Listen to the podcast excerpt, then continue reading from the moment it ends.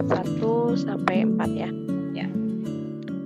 Ketahuilah bahwa pada hari-hari terakhir akan datang masa yang sukar. Manusia akan mencintai dirinya sendiri dan menjadi hamba uang. Mereka akan membual dan menyombongkan diri. Mereka akan menjadi pemfitnah, mereka akan berontak terhadap orang tua dan tidak tahu berterima kasih, tidak mempedulikan agama, tidak tahu mengasihi, tidak mau berdamai, suka menjelekkan orang, tidak dapat mengekang diri, garang, tidak suka yang baik, suka mengkhianat, tidak berpikir panjang, berlagak tahu, lebih menggurui hawa nafsu daripada menuruti Allah. Yes. Saya lebih suka yang saya highlight itu saya baca dalam bahasa Inggris. Lovers of pleasure rather than lovers of God. Jadi kita uh, lebih memikirkan apa yang membuat saya bahagia, apa yang membuat saya happy. Uh, hati-hati dengan terjebak dengan itu ya. Saya mengerti apalagi di masa pandemi ini banyak sekali kekhawatiran kekhawatiran kekhawatiran uh, tentang penyakit COVID-19 dan kita mulai mencoba untuk switch pikiran kita gimana supaya saya nggak khawatir. Oke, saya harus mencari hal-hal yang menyenangkan pikiran saya. Akhirnya kita nonton berjam-jam kita nonton Korea, apalagi serinya panjang-panjang ya kan. Uh, terus kita nonton YouTube. Wah, YouTube itu kalau udah tidak bisa di stop, ya nggak akan itu akan habis sampai berjam-jam gitu. Um, terus kita suka nonton atau dengerin podcast. Podcastnya tuh mungkin ya podcast gosip lah, interview artis ya kan. Dan tanpa kita sadari, well, I spend like hours and hours dan kita bukannya bertumbuh di dalam Tuhan, malah kita hanyut dalam kesenangan diri kita sendiri. And be careful, ini adalah tanda-tanda pada akhir zaman. Sebenarnya apa yang kita butuhkan? Apa sih sebenarnya yang kita butuhkan dalam hidup ini? Kita buka di Mazmur 16 ayat 11. Saya akan baca, Engkau memberitahukan kepadaku jalan kehidupan di hadapanmu ada sukacita berlimpah-limpah. Di tangan kananmu ada nikmat senantiasa. Ini ada versi New King James Version. You will show me the path of life. In your presence is fullness of joy. At your right hand are pleasures forevermore. Saya highlight yang di sini. Jadi sukacita kita tuh sebenarnya adalah in God's presence kalau bahasa Indonesia-nya di hadapanmu tuh um, mungkin lebih enak kalau kita terjemahin yang bahasa Inggrisnya jadi lebih gampang gitu ya. In your presence. Ketika Tuhan hadir dalam kehidupan kita, actually we have the joy. Itu sebenarnya yang membuat kita tuh happy seharusnya. Karena kesenangan dunia ini hanya sementara, tetapi the real happiness is when Jesus is in our hearts. Saya punya seorang teman yang uh, dia memutuskan akhirnya untuk uh, benar-benar total melayani Tuhan. Saya bilang, motivasi kamu apa mau melayani?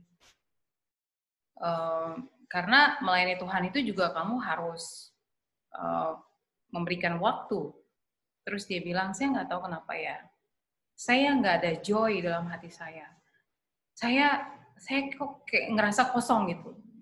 Dan teman saya ini sangat-sangat berkecukupan ya dia uh, apa aja yang dia mau sih gampang banget gitu loh. Tetapi dia mengaku di depan saya bahwa there's something missing in my heart. Aku nggak bisa ukur itu dengan apa yang aku punya apa yang aku mau beli gitu. Tetapi ketika benar-benar aku cari Tuhan aku kayak ngerasa bergairah dalam hidup ini. That means that the Holy Spirit ada dalam hatinya dia. Nah, jadi bagaimana kita bisa merasakan sukacita? Apakah kita hanya mendengarkan firman Tuhan setiap hari? Kayak misalnya ngikutin care group hari ini, terus besok lagi ada care group. Senin, Selasa, Rabu, Kamis, Jumat, Sabtu dengerin firman Tuhan. Atau kan di YouTube juga banyak tuh ya firman Tuhan. Apakah dengan dengerin firman Tuhan setiap hari, setiap saat, terus kita merasa Tuhan itu ada sama kita? Kehadiran Tuhan itu adalah ketika kita mempunyai pengalaman bersama dengan Dia. Jadi bukan hanya kita dengerin and then we suddenly believe that oh God is here. Apakah kita sudah berjalan bersama dengan Dia? Apakah kita sudah mengalami perjalanan hidup itu bersama dengan Tuhan. Ya, it's, it's not as easy as like we listen to the word of God atau kita buka Alkitab terus tiba-tiba kita merasa joy. Yes, kita baca Alkitab, kita bisa merasakan joy ketika ada Tuhan dalam hati kita dan meminta Roh Kudus untuk mengisi hati kita. Banyak orang mencintai dunia karena mereka tidak bertemu Tuhan. Kita tidak bisa bertemu dengan Tuhan ketika kita tidak membenci dunia. Jadi kita mengasihi dunia dan Tuhan itu tidak bisa bersama-sama. Kita harus pilih salah satunya. Nah, kita buka di Lukas 14 ayat 26. Saya boleh minta satu orang untuk baca. Uh, Anggi lagi deh baca. Lukas 14 ayat 26, Gi.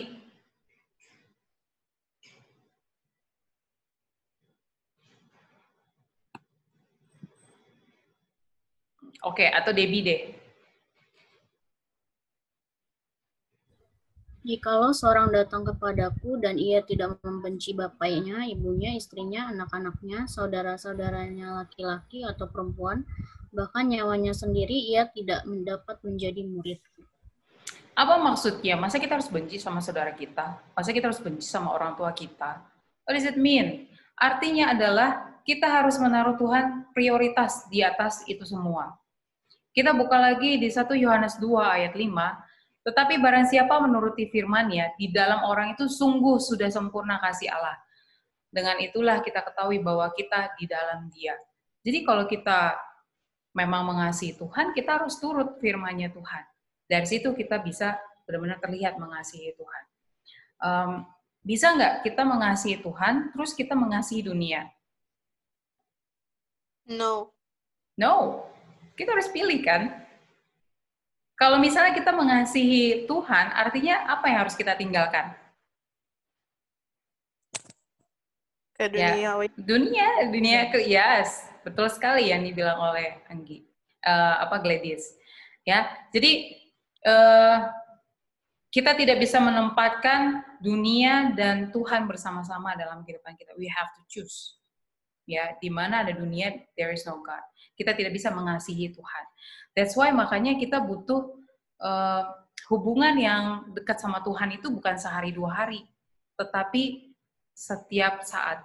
Ya, it takes time, it takes effort. Jadi itu uh, perlu hubungan yang intens yang harus kita maintain setiap hari, setiap saat.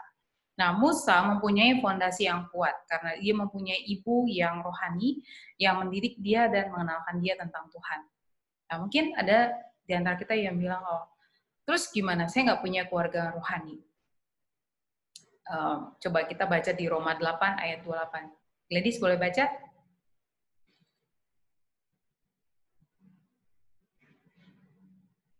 Roma 8 ayat 28. Oke, Roma 8 ayat 28. Kita tahu sekarang bahwa Allah turut bekerja dalam segala sesuatu untuk mendatangkan kebaikan bagi mereka yang mengasihi Dia, yaitu bagi mereka yang terpanggil sesuai dengan rencana Allah. Yes. So actually nggak terlambat ya segala sesuatu Tuhan izinkan terbaik terjadi untuk terbaik buat kita. So kalau kita tidak punya keluarga yang rohani, ya Tuhan sudah menaruh Roh Kudusnya dalam hati kita untuk bertobat dan membawa kita kepada jalan yang seharusnya ya udah kita follow aja. Sekarang bagaimana Musa dibesarkan? Kita membaca di Keluaran 2 ayat 10 sampai 12. Saya boleh minta Ivon bacain?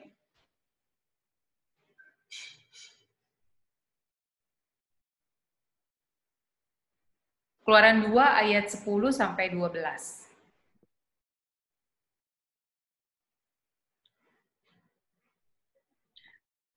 Ketika anak itu telah besar, dibawanya lah kepada putri Firaun yang mengangkatnya menjadi anaknya dan menamainya Musa, sebab katanya, karena aku telah menariknya dari air.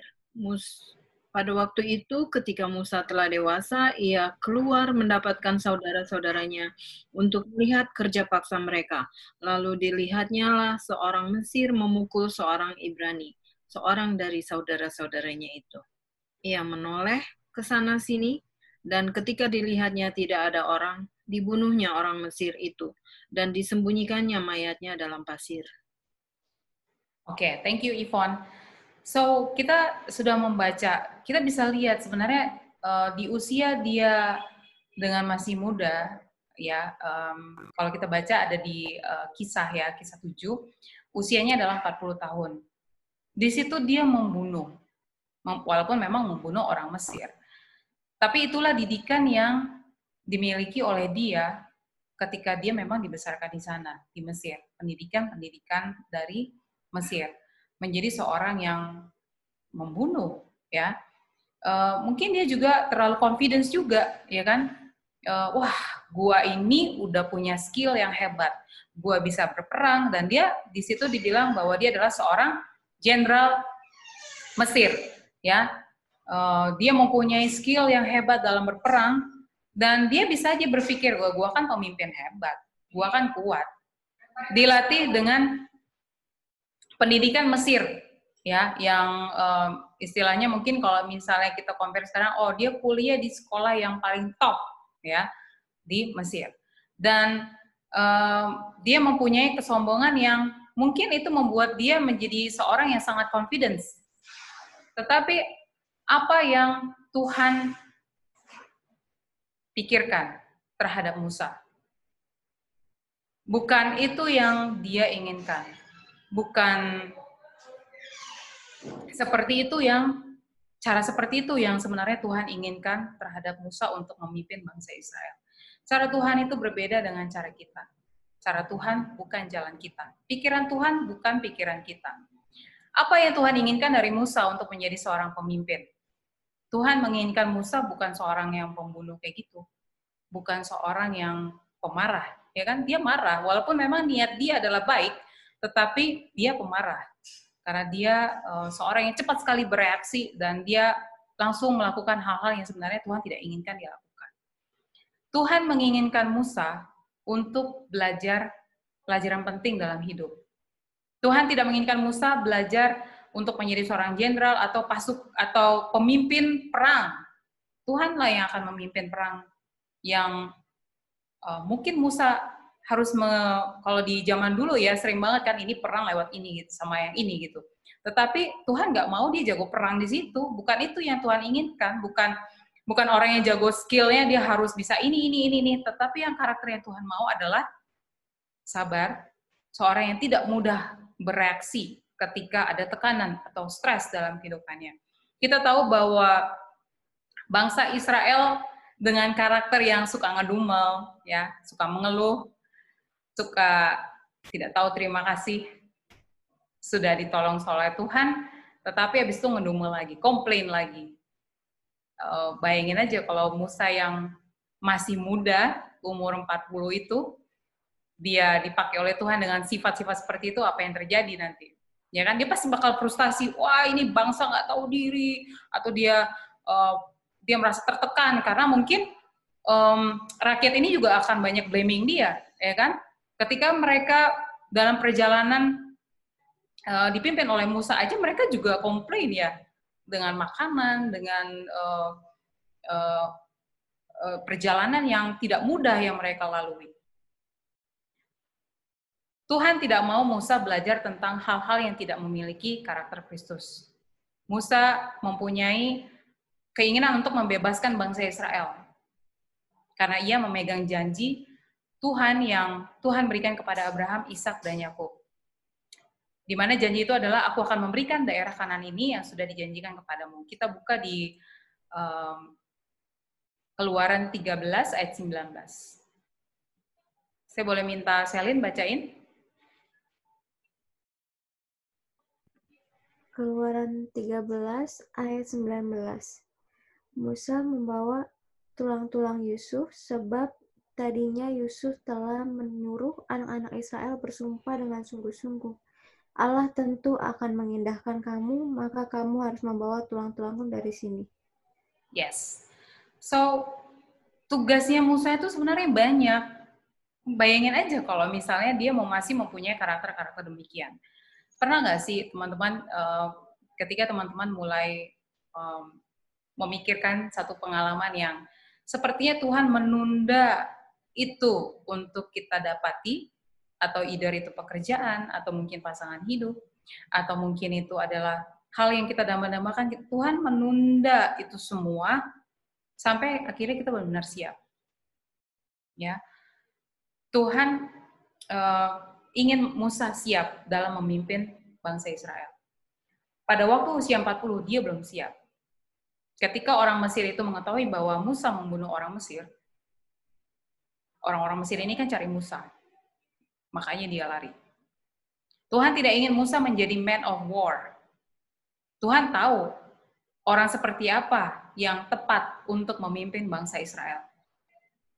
Seperti yang tadi saya sampaikan, bahwa bangsa Israel itu suka mengeluh, ngedumel, tidak tahu terima kasih, udah dikasih mujizat, ngedumel lagi, udah dikasih makanan, makanannya nggak enak, ya kan? Mungkin kita juga termasuk orang Israel bangsa Israel yang sometimes kita punya sikap demikian. Tuhan ingin menguatkan bangsa Israel. Makanya Tuhan tidak mau mempunyai pemimpin yang karakter seperti Musa pada waktu dia usia 40 tahun yang suka memerintah, yang suka membunuh atau berjiwa untuk berperang kalau misalnya dibayangkan ya Musa berumur segitu terus dia melihat uh, bangsa Israel yang kelakuannya demikian mungkin aja dia stres terus dia bunuh diri lagi karena dia nggak punya um, sifat yang sudah cukup matang untuk memimpin orang-orang seperti bangsa Israel. Kapan Musa dipanggil oleh Tuhan? Ada yang tahu? Kapan akhirnya Musa ini siap sehingga dia dipanggil Tuhan untuk memimpin bangsa Israel. 40 tahun kemudian. Oke, 40 tahun kemudian berarti umurnya 80. 80. Ya, itu sebenarnya masih tetap tua sih walaupun zaman dulu agak sedikit umur panjang ya di usia dia. Um, Musa Musa meninggal itu di umur 120.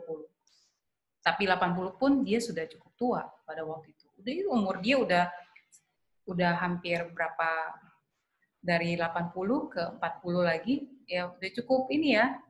Sebenarnya fisik dia udah cukup tua tetapi can you guys imagine dia dipanggil di umur 80 butuh 40 tahun untuk dia benar-benar siap.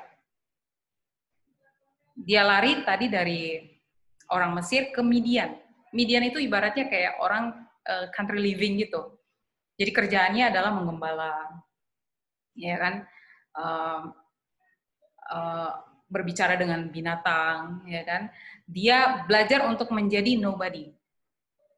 Ketika dia berada di Mesir dia menjadi somebody. Setiap orang melihat dia. Kita nggak bisa lihat apa yang di depan. Banyak orang ingin menjadi leader supaya terkenal. Supaya bisa dipermuliakan. Wah leader A uh. kemudian silakan maju ke depan. Semua orang kayak memberi hormat banyak sekali orang-orang di luar sana mau menjadi leader untuk mendapatkan kehormatan seperti itu. Musa, seperti tadi ada teman-teman kasih pendapat, oh, siapa sih Musa? Ada yang bilang Musa tuh lemah lembut, dia rendah hati, itu betul sekali. Tetapi mencapai proses menuju lemah lembut dan rendah hati, it takes time and effort. At least 40 years, 40 tahun. Musa mengajar Tuhan mengajar Musa untuk menjadi rendah hati. Kalau ada yang lempar batu ke dia ya dia tidak akan lempar batu balik paling enggak gitu kan. Jadi kalau ada bangsa Israel yang mengeluh ya dia akan sabar. Dia tidak marah-marah. Ya, sampai uh, saya tertegun juga ketika membaca Musa bilang sama Tuhan bahwa eh, jangan jangan musnahkan bangsa Israel. Kalau enggak ya udah nggak usah nama gue deh disebut di buku kehidupan. Because his love is too big untuk bangsa yang suka ngedumel ini gitu. Apakah dia mudah mempunyai karakter demikian? No. It takes time and effort. Sehingga Musa benar-benar menjadi seorang yang karakter yang sangat luar biasa. Sabar, lemah lembut. So amazing. Kita baca di Keluaran 2.15, um, dijelaskan di situ bahwa Musa lari ke Midian dan kita lihat di kisah 7 30 saya boleh minta um, Selin bacain kisah 7 ayat 30. Apa yang Musa lakukan di Midian?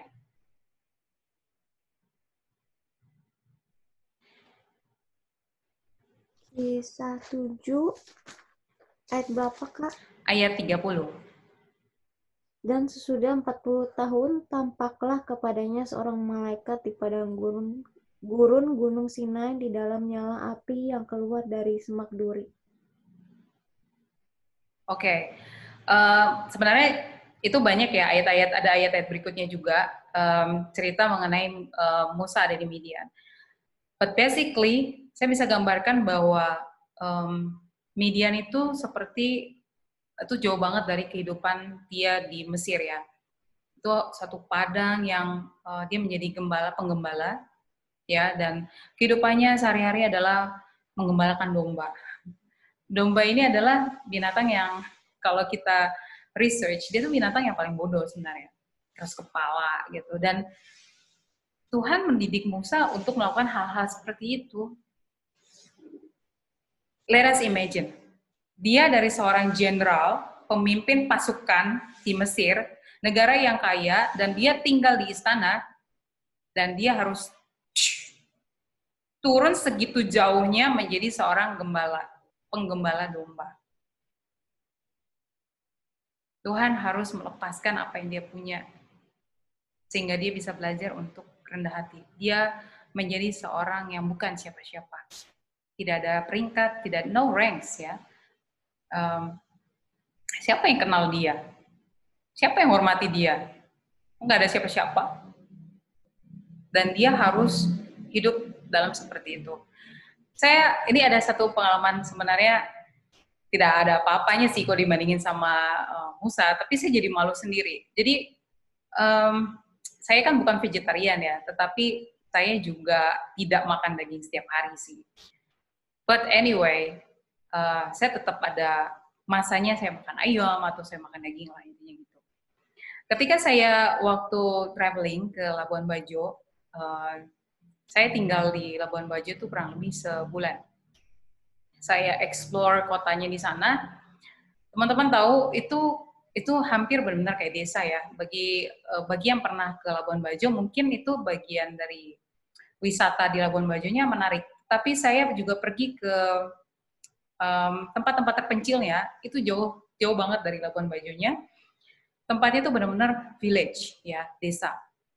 Di sana itu bahkan either di Labuan Bajo juga tidak ada mall kayak di sini ya. Di, ada sih sebenarnya kecil banget dan isinya itu kosong banget ya.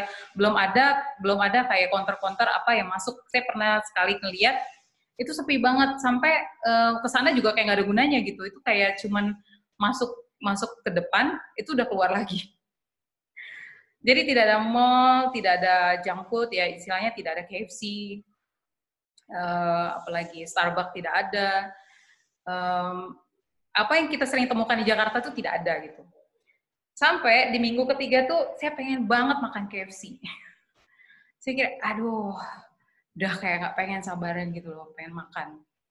Sampai akhirnya saya memutuskan saya pengen ke Surabaya abis itu.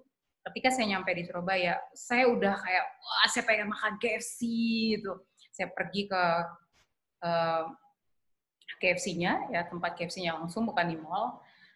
Uh, saya pesen porsi yang besar, itu udah kayak saya puas-puasin gitu. Saya nggak bayangin dalam sebulan aja, saya udah nggak tahan mau makan uh, makanan yang saya pengen makan gitu Coba kita bayangin Musa.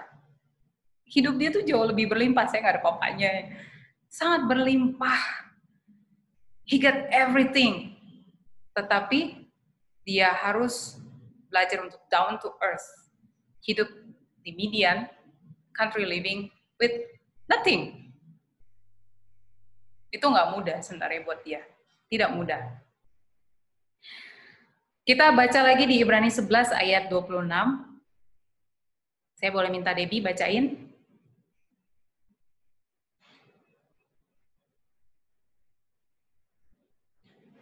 Ibrani 11 ayat 26.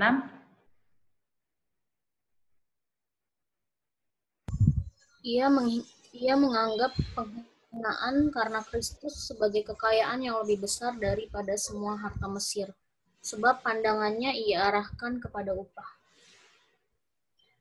Inilah yang membuat possible buat Musa untuk dia mau melepaskan kesenangan-kesenangan itu semua yang membuat dia bisa jatuh dalam dosa dan membuat dia bisa lupa.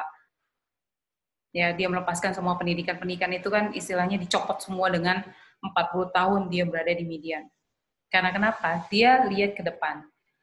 This is not what I want. Saya ingin surga. Tuhan tidak menginginkan saya seperti ini. Dan dia tidak melupakan identitasnya sebagai orang Israel Makanya dia pergi dari Mesir. Um, di Alkitab, kata reward ini dipakai tiga kali. Dan uh, saya boleh minta Debbie lagi baca Ibrani 10 ayat 34 dan 35. Ini relate dengan yang tadi.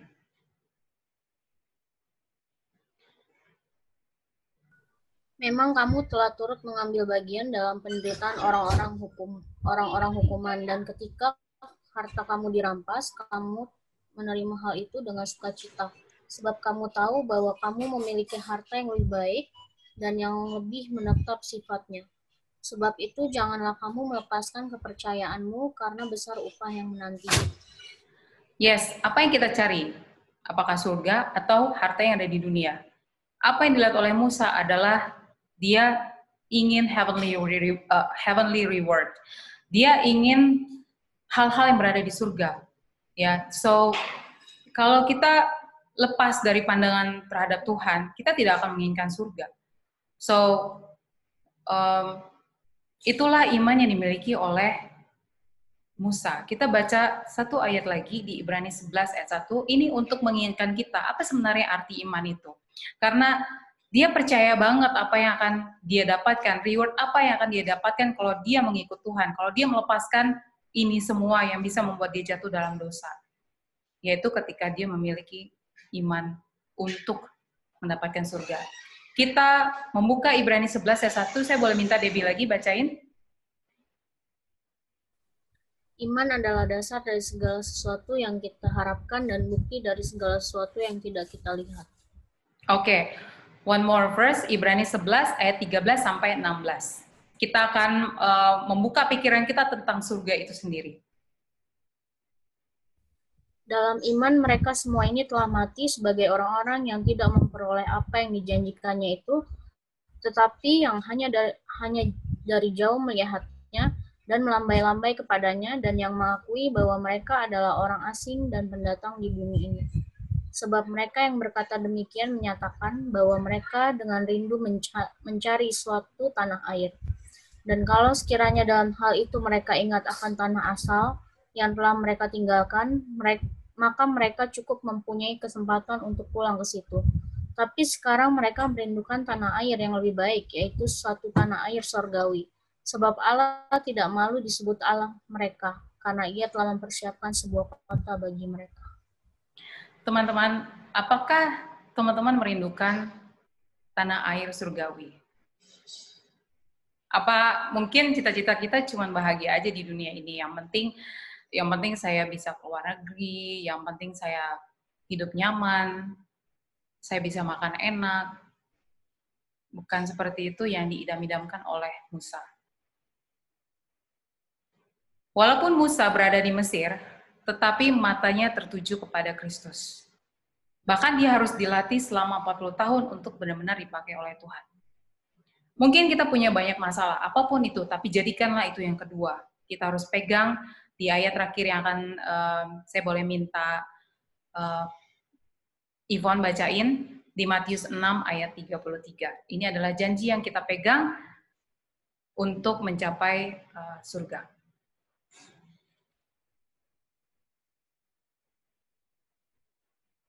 Boleh baca, Yvonne? Matius 6 ayat 33. Tetapi carilah dahulu kerajaan Allah dan kebenarannya, maka semuanya itu akan ditambahkan kepadamu. Baik, terima kasih Yvonne.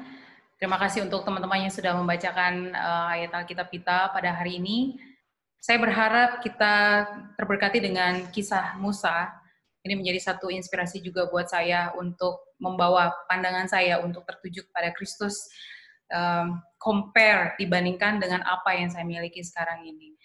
Uh, semoga kita bisa mulai dari saat ini kita belajar untuk lebih mengidamkan tanah air surga daripada di dunia.